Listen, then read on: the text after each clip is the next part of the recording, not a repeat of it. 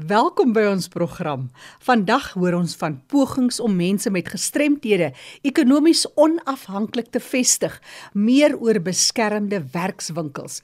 Hoe kan dit ontwikkel en volhoubaar in stand gehou word? En later meer oor die storie van Frank Hunt. Frank deel vandag met ons sy besondere storie van sy vrou se reis met Alzheimer. Onthou September maand, ons kweek bewustheid landwyd en wêreldwyd vir demensie, spesifiek Alzheimer. Maar nou eers ons nuus en inligtingspoletin.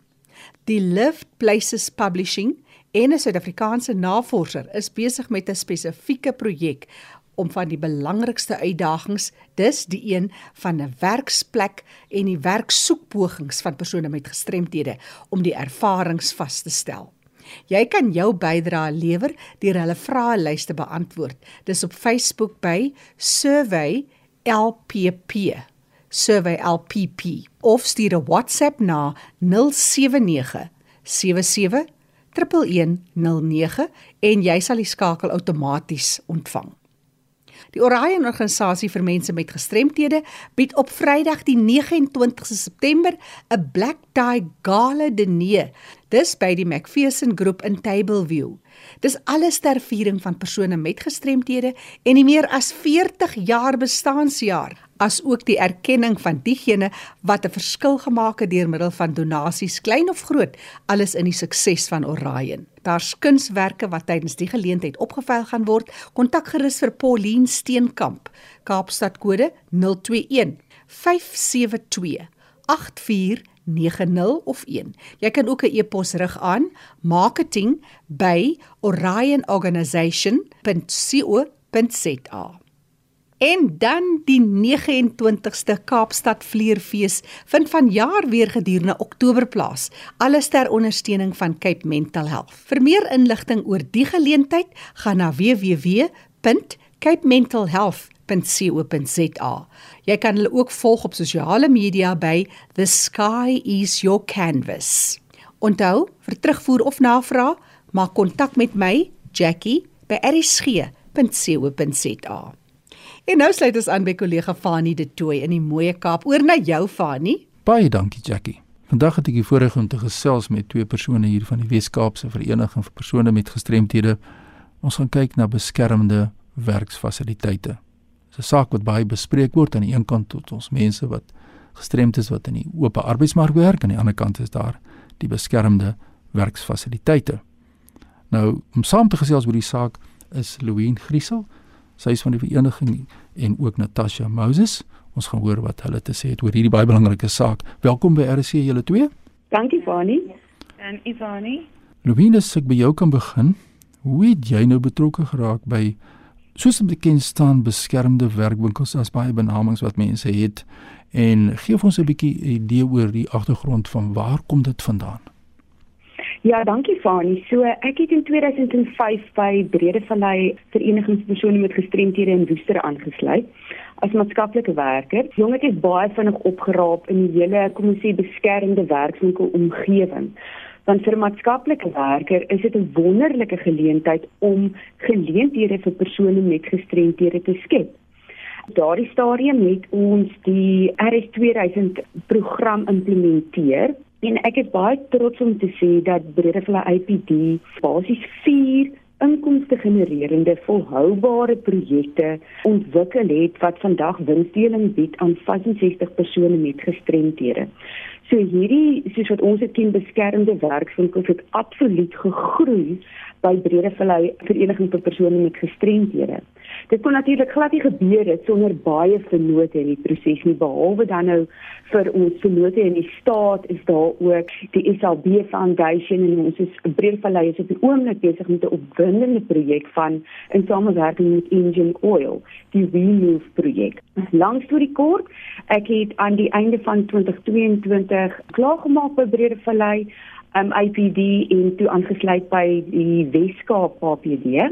So ek dink Fani as ons kyk na die geskiedenis van beskermde werkswinkels, belangrik om dit in ag te neem. Ja. So beskermde werkswinkels is ontwikkel om op sekondêre vlak rehabilitasiedienste aan persone met gestremthede te lewer. So daar was destyds of steeds vandag twee belangrike areas van dienslewering en dit is die psigososiale ondersteuning en deelname aan aktiwiteite met 'n produksie element wil ek amper sê. Histories was dit veral kontrakwerk wat hmm. persone met gestremthede in hierdie werkswinkels gedoen het. Met hierdie jare is die volhoubaarheid van hierdie beskermde werkswinkels erg bedreig. Jong as gevolg van 'n beperkte of geen toename in staatssubsidies, afname in eksterne befondsing en dan ook 'n afname in die belangstelling van besighede om byvoorbeeld kontrakwerk te laat doen. Hmm. So die struktuur en die funksionering van die beskermde werkswinkels was nog nooit uniform nie. Ja. En dit het gewissel van beskermde werkswinkels wat totaal afhanklik is van staatssubsidies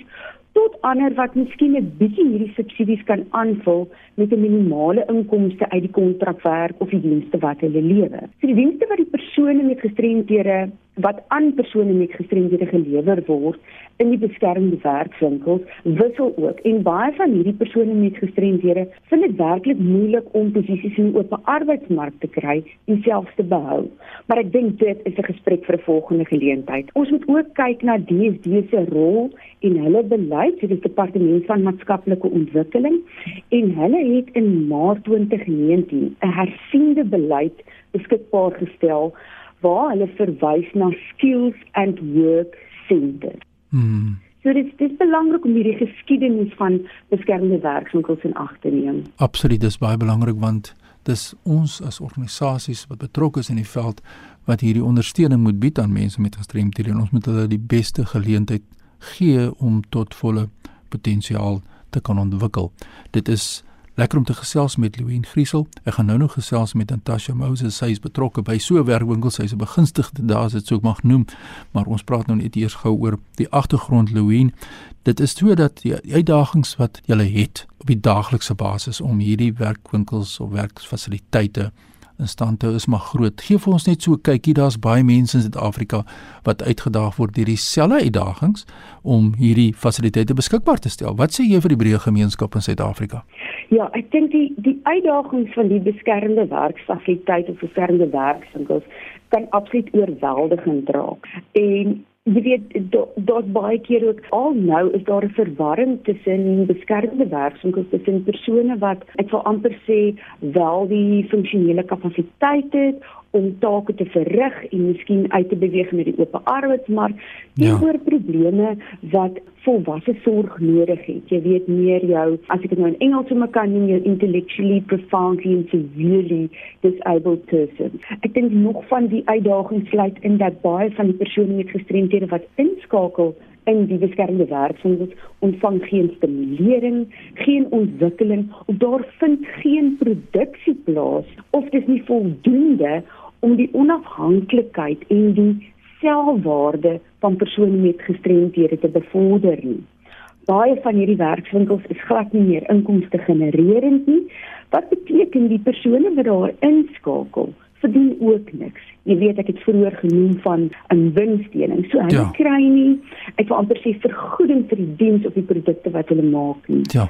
Um baie van hierdie werk soos ek reeds genoem het en ek herhaal dit baie, is nie is nie finansiëel volhoubaar nie. En in so 'n situasie wanneer die organisasie of die werkswinkel nie finansiëel volhoubaar is nie, sukkel hulle om dan waarde toe te voeg tot die persoon met 'n gestremdheid. Ja, so, dit ja. is so ek wil amper sê so breë omtrek van die uitdagings wat ervaar word. Ja, en dit is baie belangrik dat jy dit vir ons noem, maar daar's ook mense wat begunstig dit is, as ek ook kan noem en nou wil ek hoor wat sê Natasha Moses. Natasha, jy's betrokke by so 'n fasiliteit. Jy werk hier by die Miracles werkwinkel hier in Kaapstad.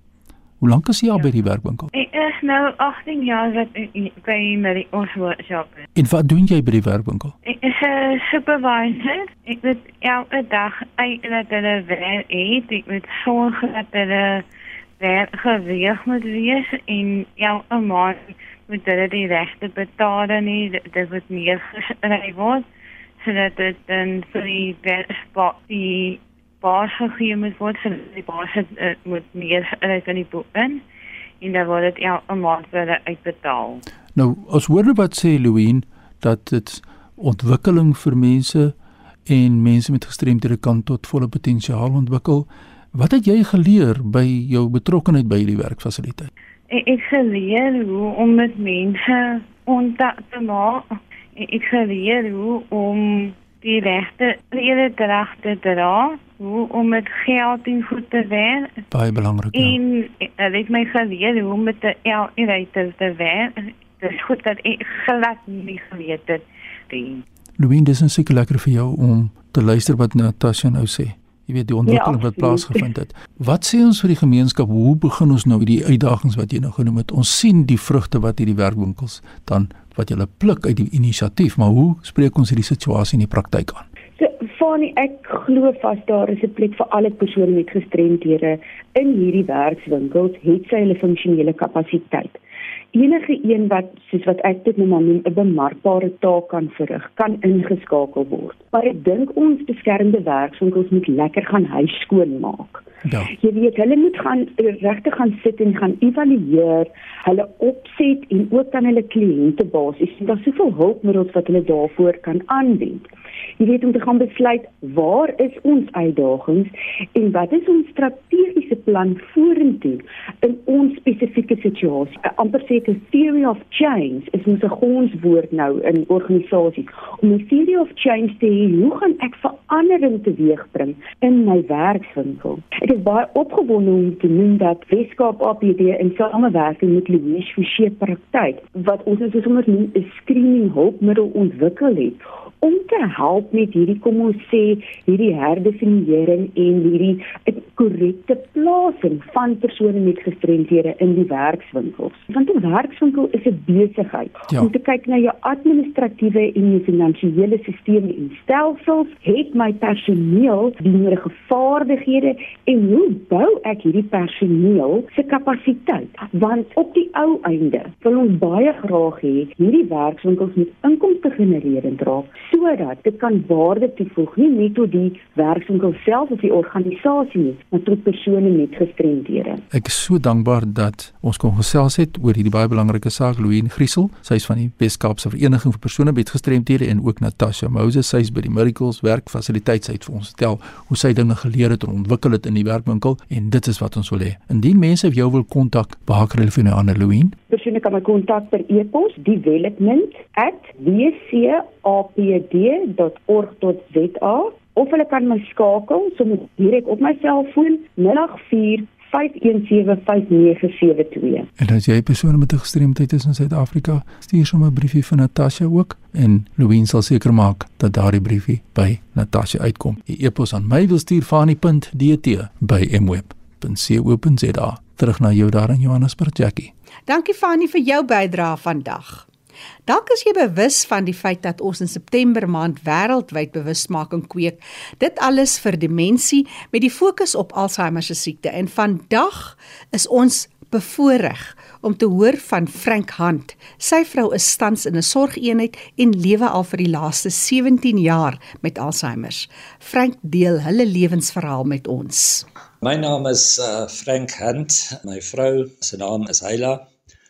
Ons is um albei uh, 73 jaar oud en ons het op die 1ste van hierdie maand ons uh, 50ste huweliks herdenking uh, gevier.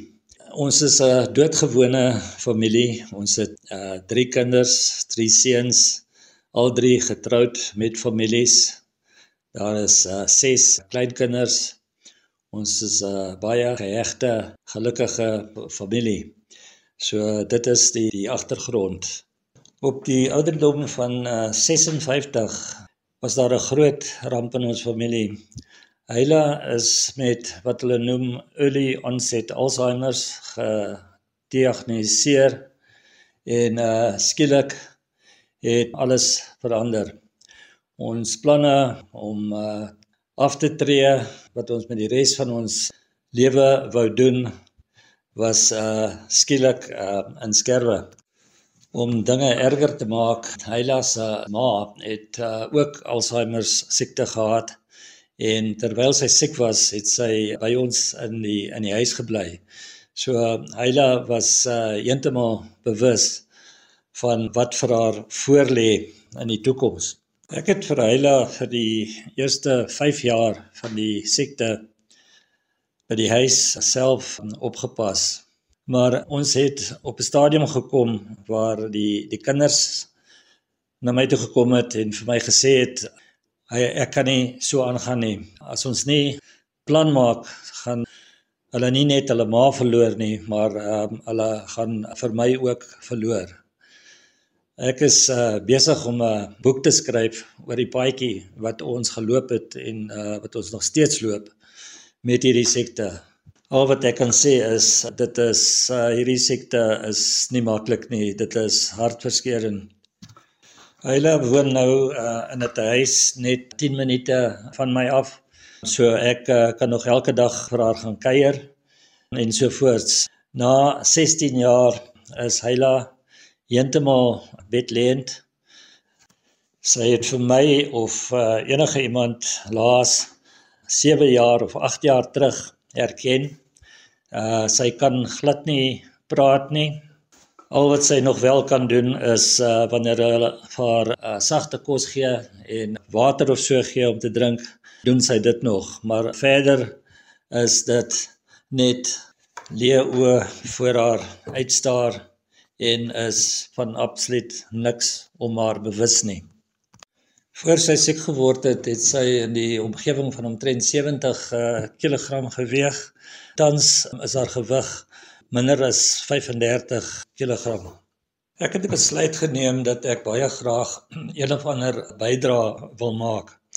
So een van my groot passies in die lewe is 'n uh, lang afstand uh, hardloop.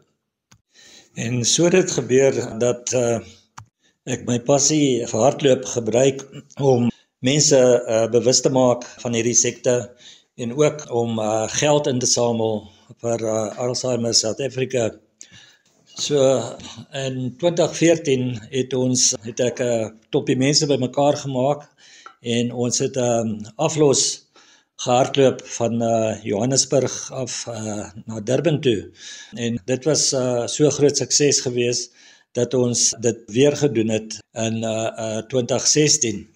Na dit het ons uh, afgegaan na die na die Wes-Kaap toe waar ons vier van uh, Thomas Bain se uh, bergpasse gehardloop het uh insluitende die uh Swartbergpas wat ook baie suksesvol was. Toe kom COVID en uh, ons kon toe nie meer daardie tipe ding doen nie.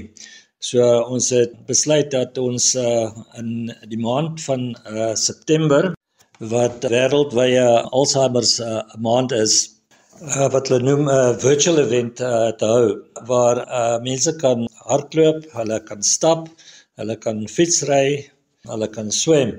En afhangende van uh, die afstand wat hulle aflê, kry hulle op die einde van die maand uh, sertifikate wat bevestig uh, wat hulle wat hulle in die maand vermag het. Ons is tans besig met die uh, 4de jaar wat ons uh, hierdie manier gebruik om uh, bewusmaking aan die gang te kry en ook om uh, geld in te samel. Ons het uh, mense wat uh, wat deelneem nie net in Suid-Afrika nie, maar ook in verskeie lande dwars oor die wêreld. Ons uh, is op Facebook onder uh, Run Against uh, Dementia. Enigiemand kan net daar ingaan en uh, en meer sien oor wat ons alles doen. Ja, die uh, groot probleem vir my met uh, demensie, Alzheimer, is dat mense nie hierdie siekte verstaan nie. As iemand aan 'n ander sekte ly, dan uh, voel almal baie jammer vir die persoon en uh, almal wil help en so voort. Maar vir een of ander rede wanneer 'n mens aan 'n siekte van die brein ly, dan maak mense tot grappe daaroor en uh, mense vermy die uh, persoon wat aan die, die siekte ly. So as ek net kan bydra om iets daaraan te doen en dit te verander, dan sal ek uh, sal ek baie bly wees. Baie baie dankie uh, Jackie en as iemand met my wil kontak maak, my selnommer 082 330 2750 of my uh, e-pos is um, handfrank7@gmail.com www.frankhant.com. Frank, jy het verwys na die boek wat jy geskryf het. Waaroor handel dit en wat was jou doelwit spesifiek met die boek? In verband met die uh, boek wat ek uh, besig is om te skryf, uh, Creating uh, Golden Moments. Dit gaan basies oor ons ondervinding en hoe ons geleer het om saam te lewe met hierdie siekte. En miskien kan dit help vir ander mense dat hulle nie deur dieselfde foute en so voorts gaan wat ons deurgegaan het. Een van die probleme van hierdie siekte is dat dit is nie altyd dieselfde nie. Mense ervaar dit nie dieselfde nie. Byvoorbeeld, Hyla kon baie vroeg glad nie meer lees of skryf nie en ook nie meer praat nie waar baie mense redelik ver in die siekte ingaan en dan kan hulle nog steeds goed lees en nog goed praat al praat hulle nie altyd uh, sin nie Ek uh, gee wenke, maniere om die om die situasie te hanteer. Byvoorbeeld, uh, een van hulle is moet nooit met die persoon probeer argumenteer nie, want wat hulle sien en wat hulle voel is hulle werklikheid. Alhoewel dit vir ons heeltemal absurd klink, is dit vir hulle die werklikheid. Die beste manier daarso is om 'n gesprek in 'n ander rigting te voer en uh vergeet daarvan en gaan aan met iets anders te. Hoe minder veranderings daar uh, is, hoe beter. Rutine is baie belangrik vir die mense. Hyla het op 'n stadium baie uh, hallusinasies gehad waar sy dinge gesien het wat uh, net nie daar is nie.